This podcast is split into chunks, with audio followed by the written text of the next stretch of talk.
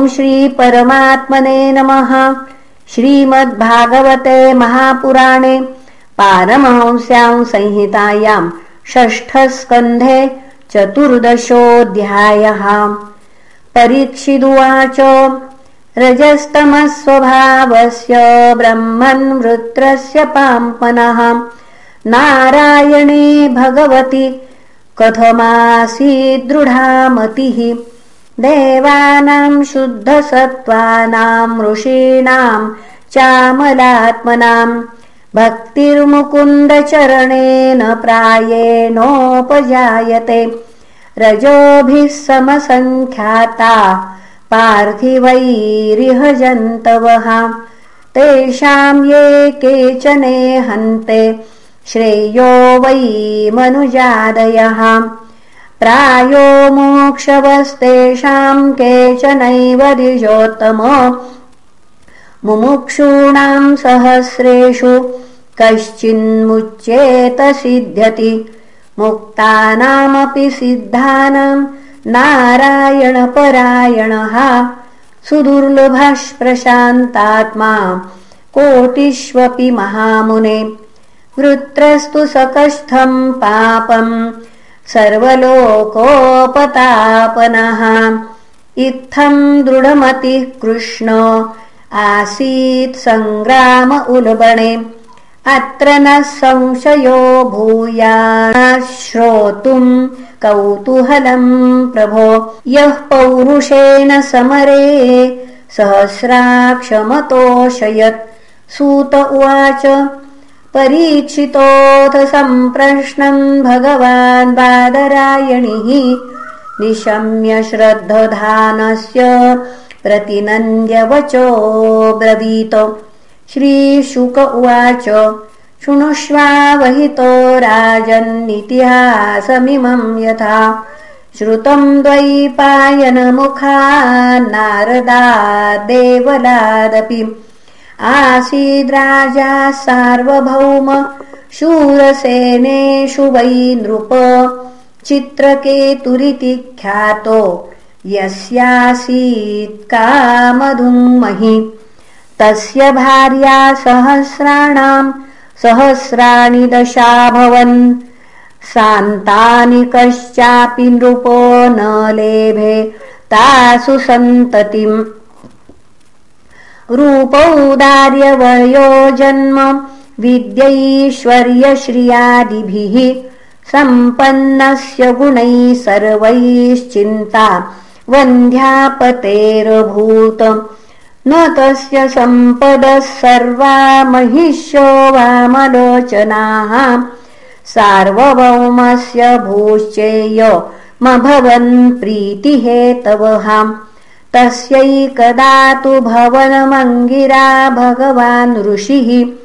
लोकाननुचरन्नेतानुपागच्छद्यदृक्षया तम् पूजयित्वा विधिवत्प्रत्युत्थानार्हणादिभिः। कृतातिथ्यमुपासीदत् सुखासीनम् समाहितः। महर्षिस्तमुपासीनम् प्रश्रयावनतम् क्षितौ प्रतिपूज्य महाराज समाभाषेदमब्रवीत। अङ्गिरा उवाच अपि ते नामयम् स्वस्ति प्रकृतीनाम् तथात्मनः। यथा प्रकृतिभिर्गुप्त पुमान् राजापि सप्तभिः। आत्मानम् प्रकृतिष्वद्धा निधाय श्रेय आप्नुयात्। राज्ञा तथा प्रकृतयो नरदेवाहिताधयः। अपि दारा प्रजामात्या भृत्याः श्रेण्योऽथ मन्त्रिणः।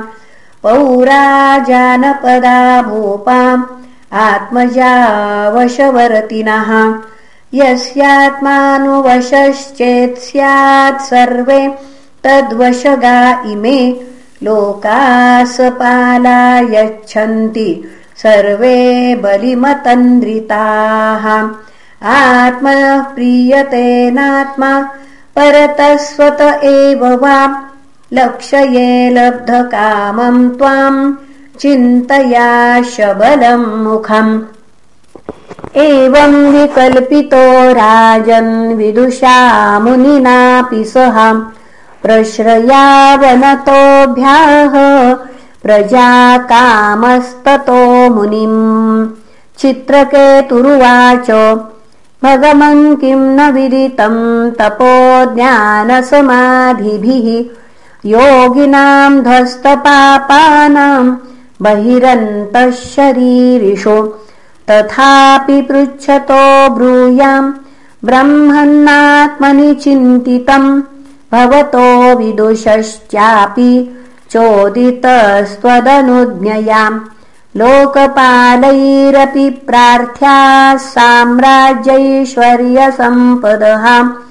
न नन्दयन्त्यप्रजम् माम् क्षुत्रुट्काममिवापरे ततः पाहि महाभाग पूर्वैः सह गतम् तमः यथातरे मधुस्तारम् प्रजया तद्विधेहि नः श्रीशुक उवाच इत्यर्थितः स भगवान् कृपालुर्ब्रह्मणः सुतः श्रपयित्वा चरुम् त्वाष्ट्रम् त्वष्टारमजयद्विभुः।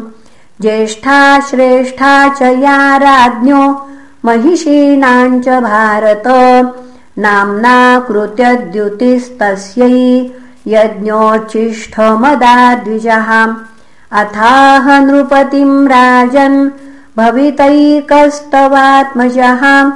हर्षशोकप्रदस्तुभ्यमिति ब्रह्मसुतो ययौ। सापि तत्प्राशनादेव चित्रकेतोरधारयत्। गर्भम् कृतद्युतिर्देवी कृत्तिकाग्नेरिव पुनः कृत्तिकाग्नेरिवात्मजम्। तस्या अनुदिनम् गर्भ शुक्लपक्ष इवोडुपहाम्। ववृधे शूरसेने शतेजसाम् शनकैनृपम् अथ काल उपावृत्ते कुमार समजायत जनयन् शूरसेनानाम् शृण्वताम् परमाम् मुदम् हृष्टो राजा कुमारस्य स्नातः शुचिरलङ्कृतः वाचयित्वा शिशोऽभिप्रैः कारयामास जातकम्। तेभ्यो हिरण्यम् रजतम् वासांस्याभरणानि च ग्रामान् हयान् गजान् प्रादात् धेनूनामर्बुदानि षट् ववर्षकाममन्येषाम् पर्जन्य इव देहिनाम् धन्यम् यशस्यमायुष्यम् कुमारस्य महामनाः। कृच्छ्रलब्धेऽथ राजर्षेतस्तनयेऽनुदिनम् पितुः। यथा निःश्वस्य कृच्छ्राप्ते धने स्नेहोऽन्ववर्धत। मातुस्त्वतितराम् पुत्रे स्नेहो मोहसमुद्भवः। कृतद्युते सपत्नीनाम् प्रजाकामज्वरोऽभवत् चित्रकेतोरतिप्रीतिर्यथा दारे प्रजावति। न तथान्येषु सज्जज्ञे बालम् लालयतोऽन्वहम् ताः पर्यतप्यन्नात्मानम् गर्हयन्त्योऽभ्यसूयया आनपत्येन दुःखेन राज्ञो नादरणेन च। धिप्रजाम् श्रियम् पापाम् पत्युश्चागृहसम्मताम् सुप्रजाभिः सपत्नीभिर्दासीमिव तिरस्कृताम्। दासीनाम् कोऽनुसन्ताप स्वामिनः परिचर्यया अभीक्ष्णम् लब्धमानानाम् दास्यादासीवदुर्भगाः एवम् सन्दैह्यमानानाम् सपत्न्याः पुत्रसम्पदाम् राज्ञो सम्मतवृत्तीनाम् विद्वेषो बलवानभूत्। विद्वेषनष्टमतयस्त्रियो दारुणचेतसः। गरम् ददुः कुमाराय दुर्मर्शानोपतिम् प्रति। कृतद्युतिरजानन्ती। सपत्नीनामघम् महत् सुप्त एवेति सञ्चिन्त्य निरीक्ष व्यचयद्गृहे। शयानम् सुचिरम् बालमुपधार्य मनीषिणी पुत्रमानय मे भद्रे इति धात्रीमचोदयत्। सा शयानमुपव्रज्य दृष्ट्वा चोत्तारलोचनम् प्राणेन्द्रियात्मभिस्त्यक्तम् हतास्मित्यपतद्भुवि। तस्यास्तदा कर्ण्यभृशातुरम् स्वरम् घ्नन्त्याकराभ्यामुर उच्चकैरपि। प्रविश्य राज्ञी त्वरयात्मजान्तिकम् ददर्श बालम् सहसामृतम् सुतम्। पपात भूमौ परिवृद्धया शुचा मुमोहविभ्रष्ट शिरोरुहाम्बरा ततो नृपान्तः पुरवर्तिनो जना नराश्च नार्यश्च निशम्य रोदनम् आगत्य तुल्यव्यसना सुदुःखितास्ताश्च व्यलीकम् रुरुदु कृतागसः। श्रुत्वामृतम् पुत्र मलक्षितान्तकम् विनष्टदृष्टि प्रपतन् स्खलन् पथि। स्नेहानुबन्धैधितया शुचाभृशम् विमोचितो नो प्रकृतिर्द्विजैर्वृतः। पपातबालस्य च पादमूले मृतस्य विस्त्रस्त शिरोरुहाम्बरः दीर्घम् श्वसन् बाष्पकलोपरोधतो निरुद्धकण्ठो न शशाक भाषितुम् पतिम् निरीक्षोरुषुचार्पितम् तदा मृतम् च बालम् सुतकिमेकसन्ततिम् जनस्य राज्ञी प्रकृतेश्च हृद्रुजम् सती दधाना विललापचित्रधा स्तनद्वयम् कुङ्कुमगन्धमण्डितम् निषिञ्चति साञ्जनबाष्पबिन्दुभिः विकीर्यकेशान् विगलस्त्रजः शुशोच चित्रम् कुररीव सुस्वरम्। अहो विधातस्त्वमतीव बालिशो यस्त्वात्मसृष्ट्य प्रतिरूपमीहसे परेऽनुजीवत्यपरस्य या मृतिर्विपर्ययश्चेत्त्वमसि ध्रुवः परहाम् न हि क्रमश्चेदिह मृत्युजन्मनो शरीरिणामस्तु तदात्मकर्मभिः। यस्नेहपाशो निजगर सर्गवृद्धये स्वयं कृतस्ते तमिमम् विवृश्यसि त्वन्तापनार्हसि च माम् कृपणामनाथाम् त्यक्तुम् विचक्ष्वपितरम् तव शोकतप्तम्।